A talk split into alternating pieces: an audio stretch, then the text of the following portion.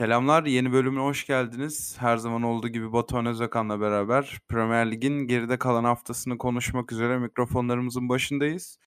Programı perşembeye bırakmak şöyle işimize yaradı. Herhalde dünkü küme düşme hattını çok yakından ilgilendiren Burnley-Everton maçını da konuşabileceğiz. Hı. Ve genel resmi o maçın oynanmasıyla beraber tekrar bir bakış atarız. Ya bu maçla ilgili söyleyeceklerim varsa hemen alayım. Çünkü konumuz aslında bu maç değil, 31. hafta yani hafta sonu oynanan maçlar olacak. Ama bu da dediğim gibi ligin kaderini etkileyebilecek bir mücadele oldu. Yani küme düşmeme mücadelesi veren iki takımın maçında yani Burnley resmen eğer sezon sonu kalmayı başarırsa herhalde kırılma maçı bu maç olacak. Ee, bu maç haftalar önce oynanmış olsaydı belki çok farklı sonuçlar doğurabilirdi. Ama Burnley bu maçı kazanarak bence küme düşmeme adına çok büyük bir iş başar. Yani şu anda büyük bir adım attı. Bunun artık bundan sonrası tamamen kendi ellerinde. Yani rakiplerini beklemelerine gerek kalmadan kazanarak devam edebilecekleri konuma geldiler. Hı hı. Everton'la hem maç sayısı eşitlendi hem de puanları eşitlendi ve. Everton'dan fixed bir puan var mı hala? Pardon ben tek Ever- maça indirdi diye eşitledi diye düşünmüşüm o zaman. Ever- Everton bir puan önde. Hı hı. Neyse ki. Yani ligde tutacak puan o olacaktır umarım. Çünkü yani Everton'ı buralarda görmek hem alışılabildik bir durum değil hem de ne olursa olsun biraz üzücü bir durum. Ve yani geride kalan fikstürüne baktığımız zaman Everton'ın Burnley'nin çok daha avantajlı olduğunu söyleyebiliriz herhalde. Yani hem öyle hem de Everton şu güveni de vermiyor. Yani kalan işte Everton'ın kaç maçı kaldı? 9 maçı var. 9 maçın hepsini Norwich'te oynasalar sanki kazanamayacaklar, 9'unda kazanamayacaklarmış gibi bir izlenim oluşturdu, oluşturuyor şu anda Everton. Yani bir şekilde e, yani en ilkel yöntemlerle olsa bile bu sezon ligde kalıp artık e, Lampard'la daha uzun vadeli düşünmeleri gerekiyor. Hı hı.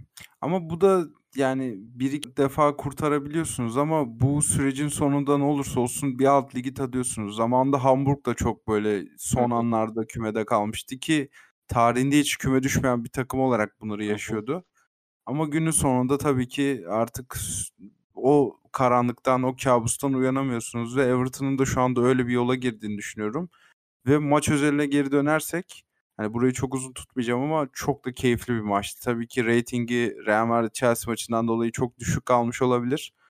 Ama yani hep şu klişelere konu olan bir maç vardır yani Messi için söylenir genelde. Premier Lig'e gelse soğuk kış gününde Stoke deplasmanında yapabilecek mi bu yaptıklarını falan. Dün hakikaten Burnley'de o maç oynandı. yani katılıyorum.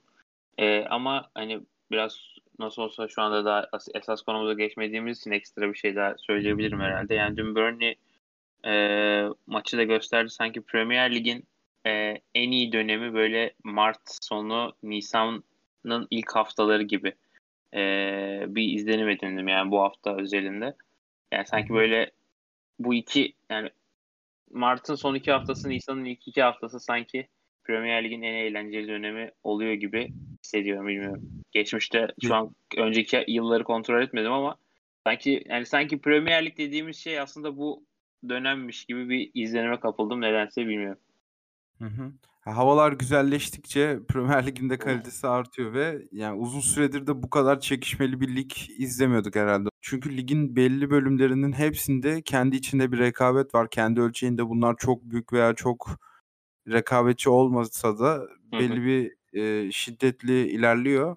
Çünkü Ve bunun da sebebi Ha. işte orta grubun çok güçlenmesi yani önceki yıllara göre çok güçlenmesi tabii ki hala e, şampiyonluk mücadelesi verebilecek düzeyde değil hiçbiri. Uzun yıllarda ben bunun yaşanacağını tekrar sürpriz bir yani Leicester gibi bir sürprizin çıkacağını kolay kolay sanmıyorum ama e, orta grup o kadar güçlü durumda ki yani Big Six dışındaki işte büyük takımlar diyebileceğim işte Wolves, West Ham, Palace, Leicester, Aston Villa, Southampton yani artık Newcastle da oraya rahat bir şekilde dahil edebiliriz. Bu sezon per, iniş çıkış performansı bir kenara bırakırsak.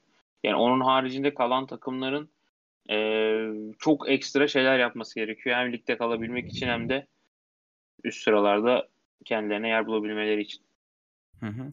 Biraz da o bahsettiğin orta grubun domine ettiği bir hafta oldu. Yani City ve Liverpool herkesin merakla beklediği ve konuşulmasını istediği eşleşme olsa da Hı hı. onu bir sonraki hafta zaten uzun uzun konuşuruz.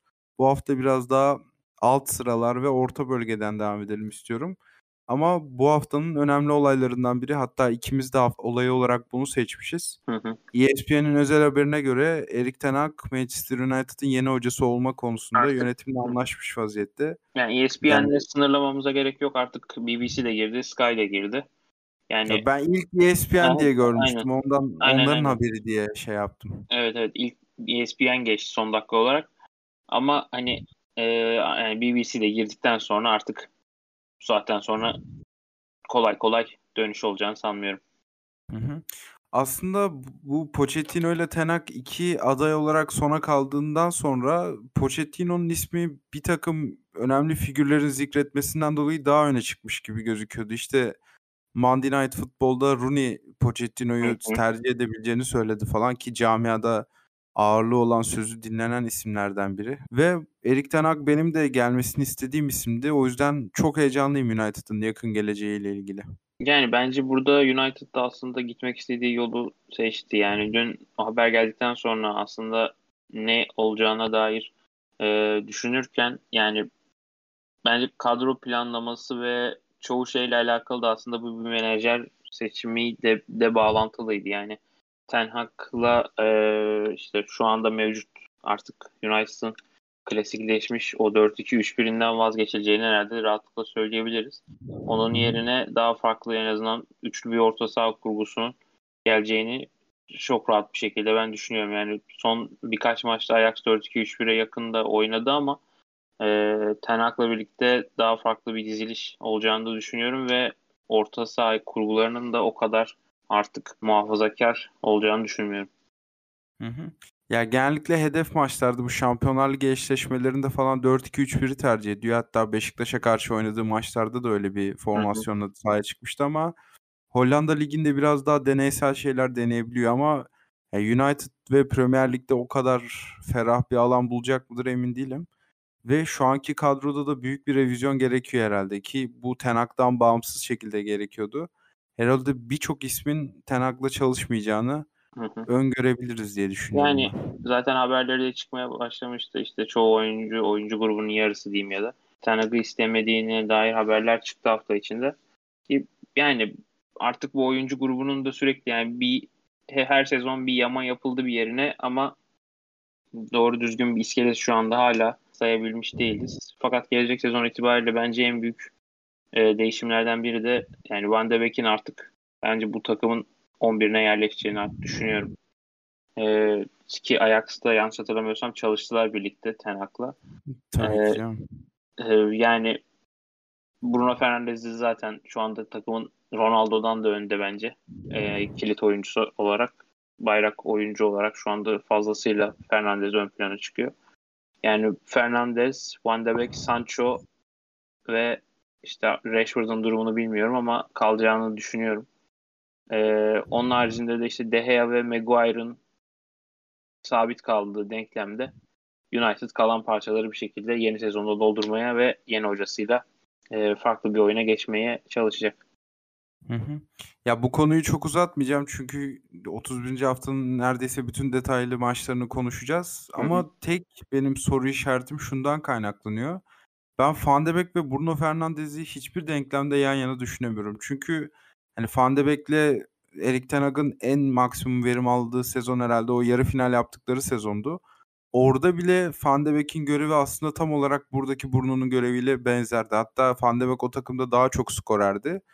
Ve geri kalan parçaların neredeyse tümü Van de Beek'e çok uygun isimlerden oluşuyordu. Burada nedense Fernandes'le Van de Beek hani bilmiyorum belki Fernandes Van de Beek'in bir üst seviyesi, upgrade edilmiş versiyonu. O yüzden hani ilk aklımıza gelen hemen Ten Hag gelir Van de Beek'i denkleme dahil eder falan filan yaşanmayabilir diye bir şüphem var. Ama umarım yaşanır. Ben çok izlemeyi seviyorum Van de Beek. Yani ben de şuna yorarak aslında bu kadar hani kesin yani kesin tabii ki hiçbir şekilde bunu bilmemiz mümkün değil. Kulübe en yakın muhabirlerin de yani yanılma payı da olabilir.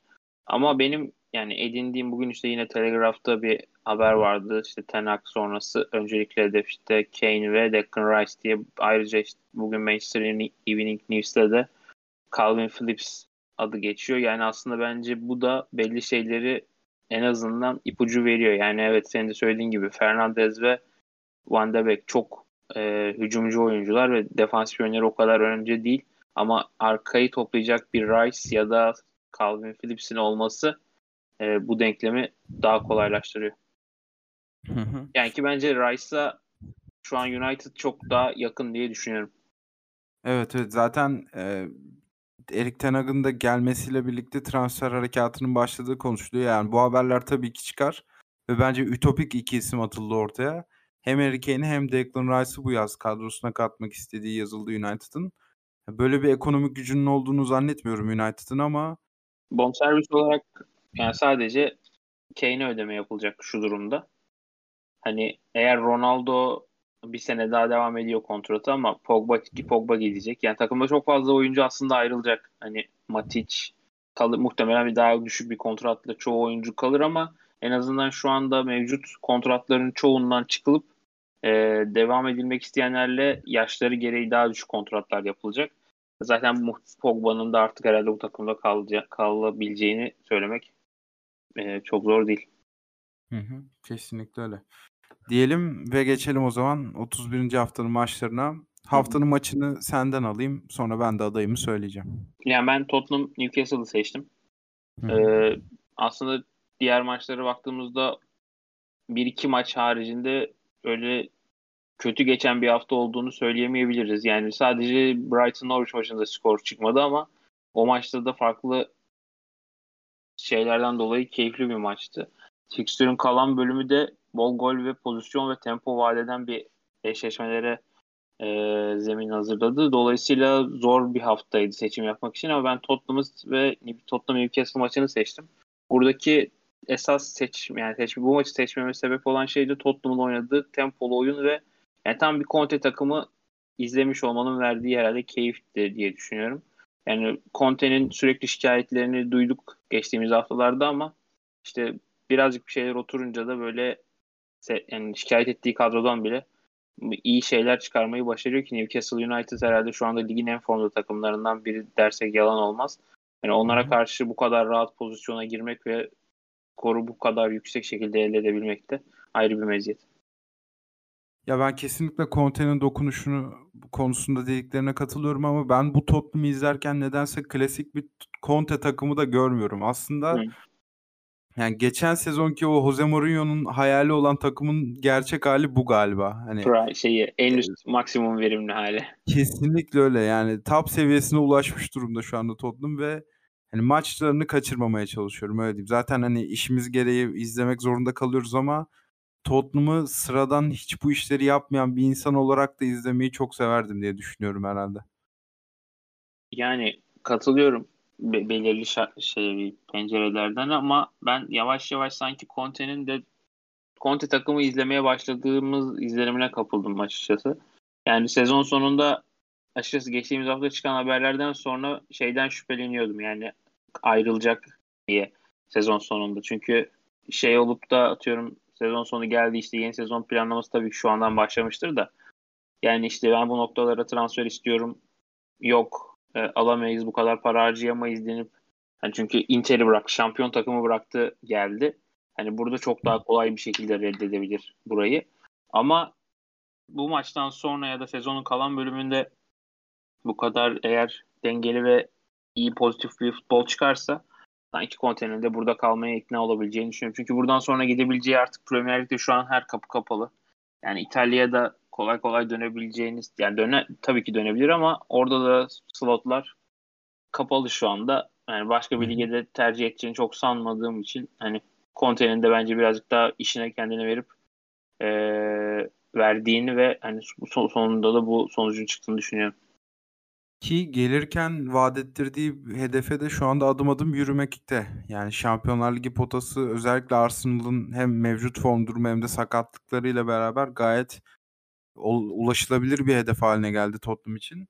Hı hı. Tek, eee, soru işaretim benim bu performansı büyük takımlara karşı da gösterebilecekler mi? Mesela, hani, United maçında da ben çok şey bekleyerek oturmuştum televizyon başına ama United'ın o boşlukları kapattığında Tottenham'ın ne kadar zorlandığını tecrübe ettiğim için bir acaba koyuyorum ben yine de Tottenham'ın bu sezonuna. Yani en azından şöyle bir hedef belirdi önlerinde. Yani tüm kulvarlardan elendiler ama şu anda maç fazlasıyla da olsa e, Şampiyonlar Ligi potasındalar ve dördüncü sıradalar. Yani şu anda aslında e, sezon sonuna kadar savaşabilecekleri bir konuma geldiler. Yani Conte'nin takıma geç takım başına geçtiğinde Tottenham'ın ilk dört şansı bence çok yoktu ama haftalar ilerledikçe bu şans ortaya çıktı ve yani şu anda sezon sonu için en azından ellerinde savaşabilecekleri, mücadele edebilecekleri bir durum var. Yani artık bu saatten sonra da zaten bir şekilde ilk dörtte tamamlamayı başarırsa Tottenham gerçekten hem Conte hem de oyuncular kötü giden bir sezonu iyi bir şekilde tamamlamış olacak. Hı hı. Kesinlikle öyle. Ben de haftanın maçında West Ham United Everton maçını seçtim. Bu hafta biraz Everton'dan ilerlemeyi düşünüyorum ben. Yani sana şöyle pas atacağım. Van de Beek maçın ilk 11'indeydi ve ısınma hareketleri sırasında sakatlandı. Peki Van de Beek'in denklemden çıktığı bir senaryoda Holgate'in 6'ya geçip Dukur'un sağ sağ iç pozisyonuna geçmesine ne diyorsun? Çünkü hani Van de Beek denklemden çıktığı zaman ilk olarak Dele Alli düşünülür. Hı hı. Ki Everton'ın yatırım da yaptığı bir oyuncu. Bayağı bonservis falan verdiler ama bu kadar sakatlığın içinde bile şu anda dakika bulamıyor kendine ve stoper orijinli kimi zaman sağ bekte de görev alan Holgate 6 numara oynadı. Ki maçın da iyilerinden biri oldu ama ben Golü de attı. yani golünden bağımsız şekilde hatta bir, bazı açılardan Declan Rice'ın o da bir kötü versiyonu gibi geldi bana. Bayağı çünkü beğendim ben Holgate'i. Ve ne düşünüyorsun Dele Alli Everton bu birliktelik hakkında? Yani aslında bence Everton açısından baktığımızda United'la benzer bir durum burada da var. Yani e, evet yeni isimler var ama burada temizlenmesi gereken de çok sayıda isim var bu kadrodan. E, yani Dele Alli devre arasında yapılan riskli bir hamlelerden biriydi. Yani Premier Lig içinde yapılan en riskli hamlelerden biriydi. Tutup tutmayacağı tam bir kapalı kutuydu.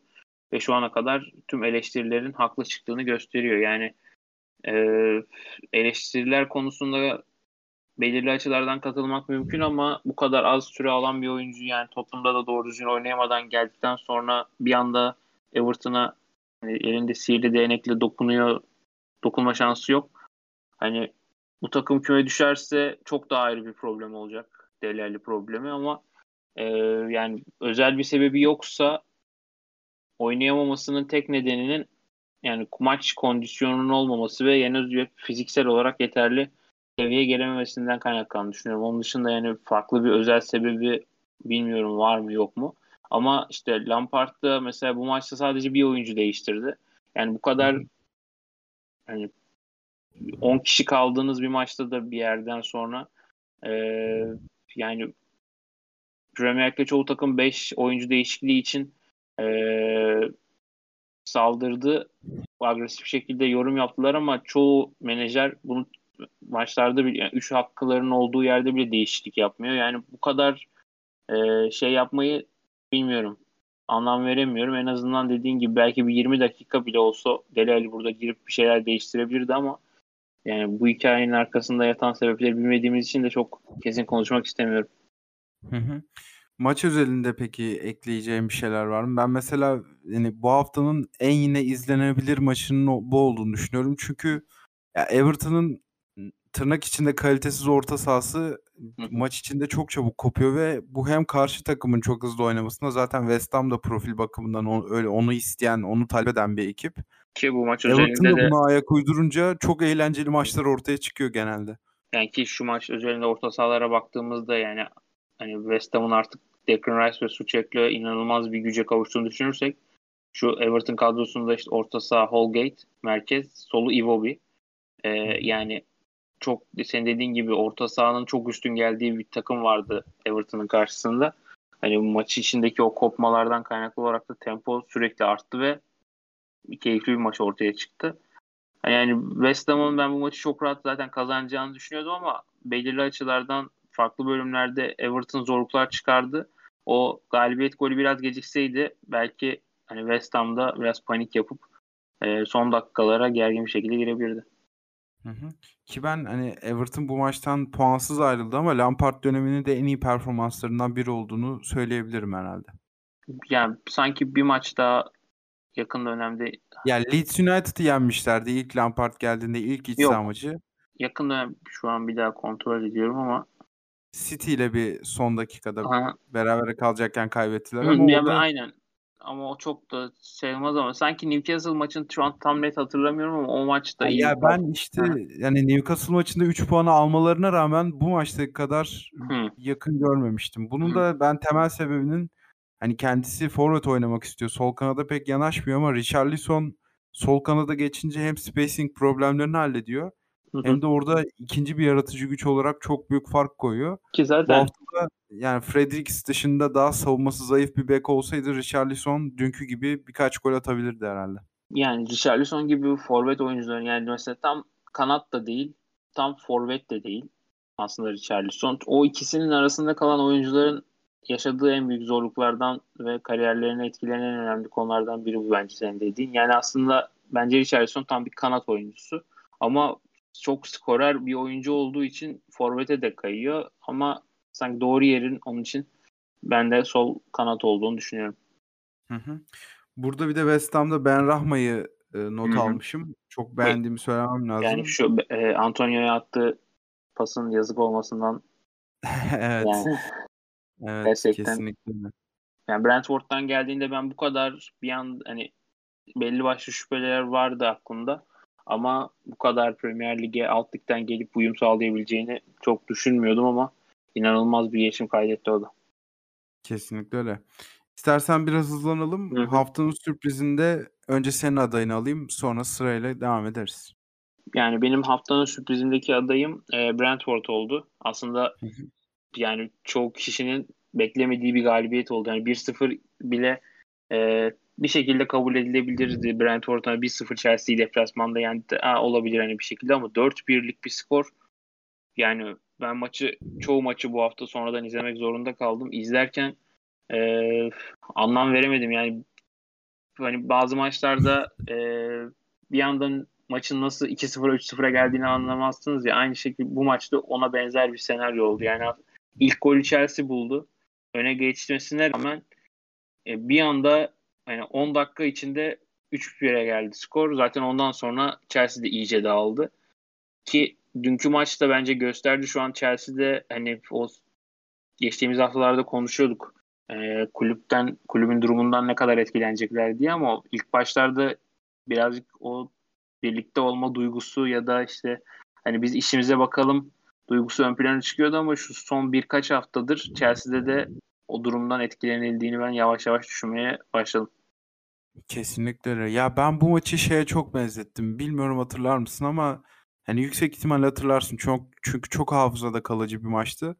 Conte'nin böyle soyunma odasını tamamen kaybettiği bir dönemde Eddie Howe'ın Bournemouth'una karşı içeride dağıldıkları bir maç vardır. Yine ikinci yarıda gelmişti. İkinci yarıda 10 dakikada falan 3 tane atmıştı Bournemouth.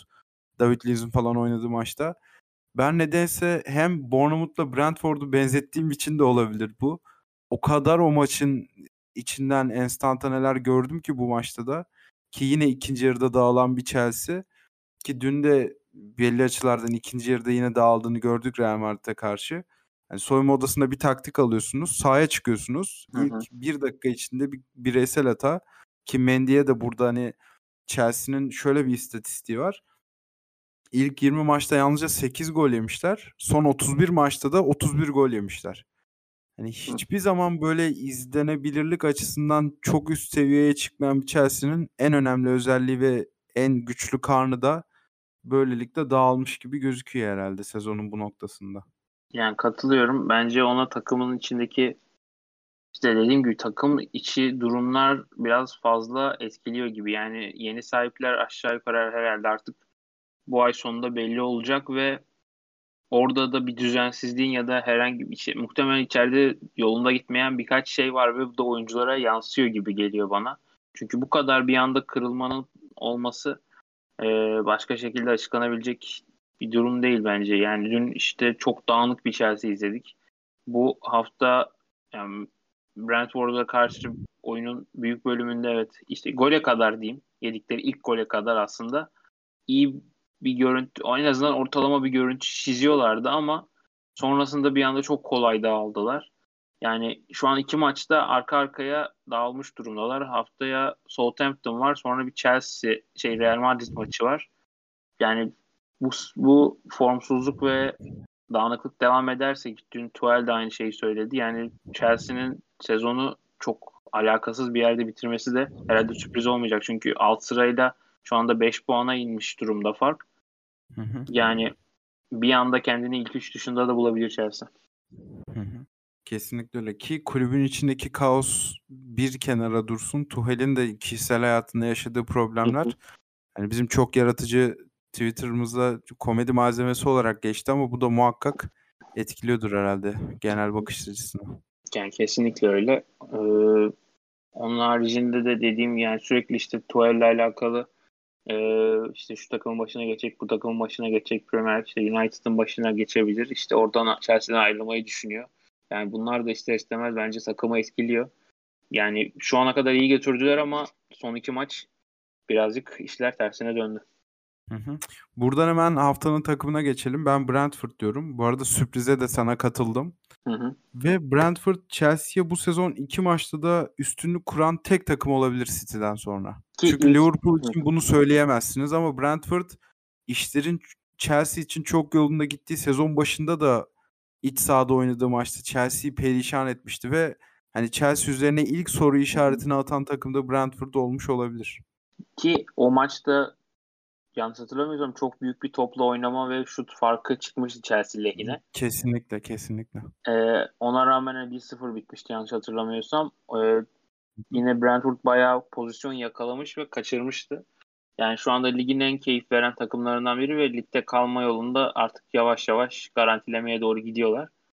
Ee, yani takım olarak haftanın takımını seçmememin sebebi benim Brentford'un biraz ben bu tarz galibiyetlerde hani arka arkaya gelen gollerden gelen galibiyetleri birazcık şansla da bağlıyorum. Yani o yüzden çok ön plana çıkarmak istemedim Brentford'u. Bu, bu kategoride diyeyim en azından. O zaman ben son notumu ekleyeyim Brentford ile ilgili. Hı-hı. Sonra senin adayını alayım. Bana ne olursa olsun ortalama ardarda arda 3 pas yapan ve %29 toplu oynayan bir takımın 2.43'lük bir gol beklentisiyle Stamford Bridge'den 4 gollü bir galibiyetle çıkması çok etkileyici geldi. Yani Thomas Frank'in master class'larından biriydi hakikaten bu. Hı hı. Ki şöyle bir şey. Chelsea adına bu maçta Real Madrid maçını düşünerek minik bir rotasyonun olduğunu da hatırlatmak lazım. Bir kere kendi formasyonlarında oynamadılar. Ama Thomas Frank de bunu ne kadar hesap etti bilemiyorum maçtan önce. O da tam tersi Chelsea'ye karşı bir planla sahaya çıktı. Beşli savunma normalde tercih ettiği bir formasyon değil.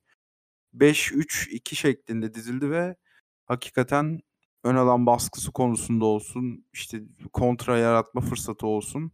Brentford çok etkileyici gözüktü. Sen adayını alayım burada sonra hızlıca devam edelim. Ben Tottenham'ı seçtim. Yani önceki Hı. kategoride maç kategorisinde söylediklerime ekstra bir şey söylemeyeceğim. Yani or- ortaya koydukları oyun ve performans sebebiyle ben hani diğer maçlardan ve diğer takımlardan biraz daha ön plana çıktığını düşünüyorum Tottenham'ın. O yüzden e, haftanın takım olarak ben onları seçtim. Kesinlikle öyle. Geçelim haftanın menajerine. Hı hı. Yani burada da Conte benim adayım.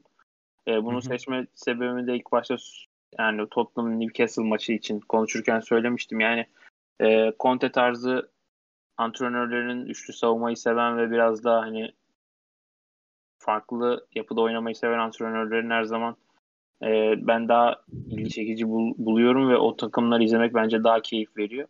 Yani işte birazcık belli başlı şeyler oturunca ve ki bu maçta e, to, bir kanatta Emerson oynuyor tamam kabul ama diğer tarafta Matt Doherty oynadı. Ters ayaklı ve birazcık savunmacı bir bek. Ona rağmen bu kadar hücumcu ve e, temposu yüksek bir oyun sergilemeleri aslında beni açıkçası şaşırttı. Yani ön taraftaki üçlü biraz oturmuş durumda. Tabii Kane'in durumuna bağlı olarak da orası değişebilir yaz döneminde ama Kulusevski, Son ve Kane hani o ikiliye üçüncü parça şu an eklen çok iyi bir şekilde eklenmiş gözüküyor.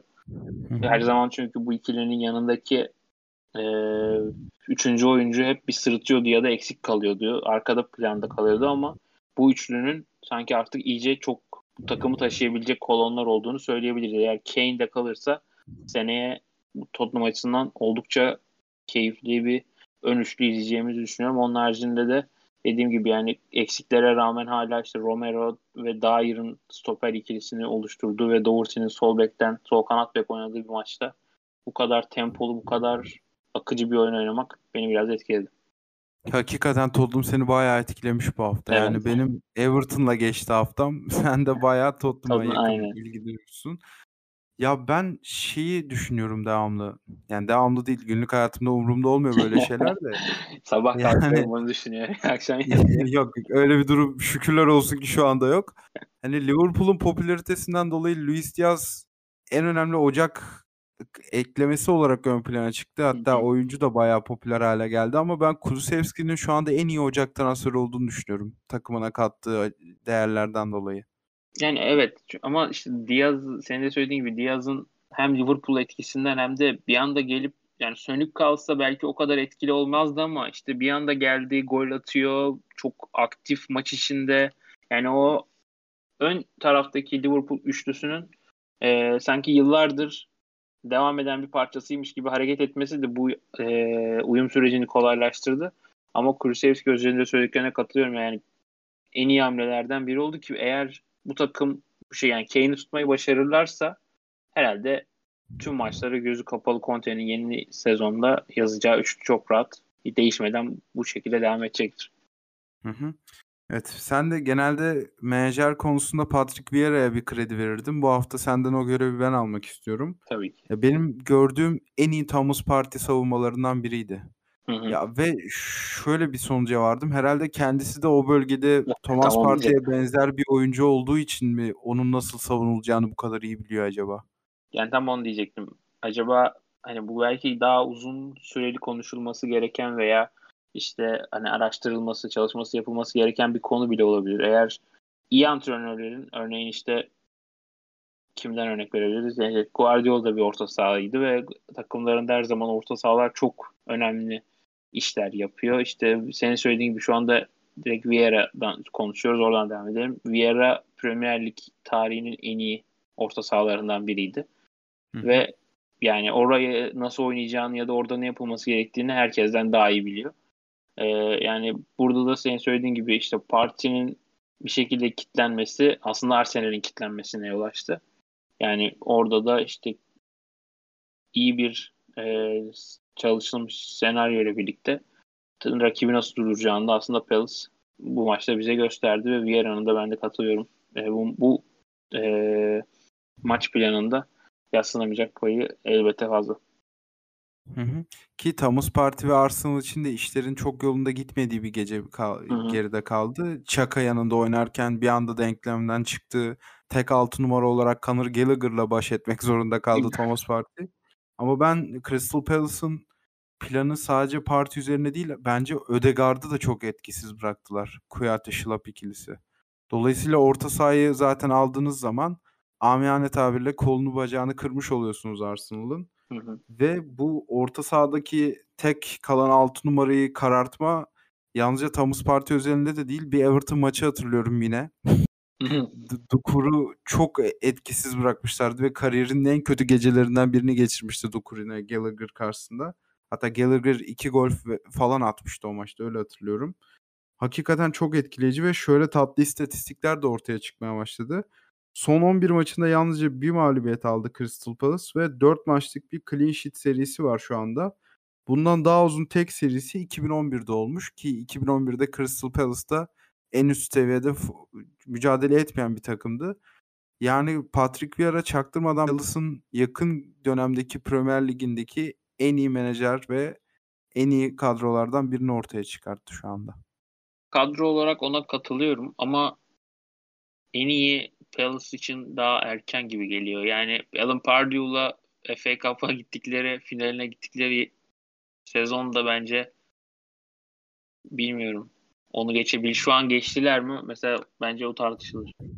Bence bu iki takım maç yapsa bu takım alır o takımı. Genelde böyle kıyaslarım ben yani. Bir- bilmiyorum. Ben o, o tartışmaları hiç çok sevmiyorum. Çünkü Okey. hani Bunu bunu soralım o zaman. Bunu anket olarak ekleriz evet, programın aynen. altına. Hem de interaction olur bize.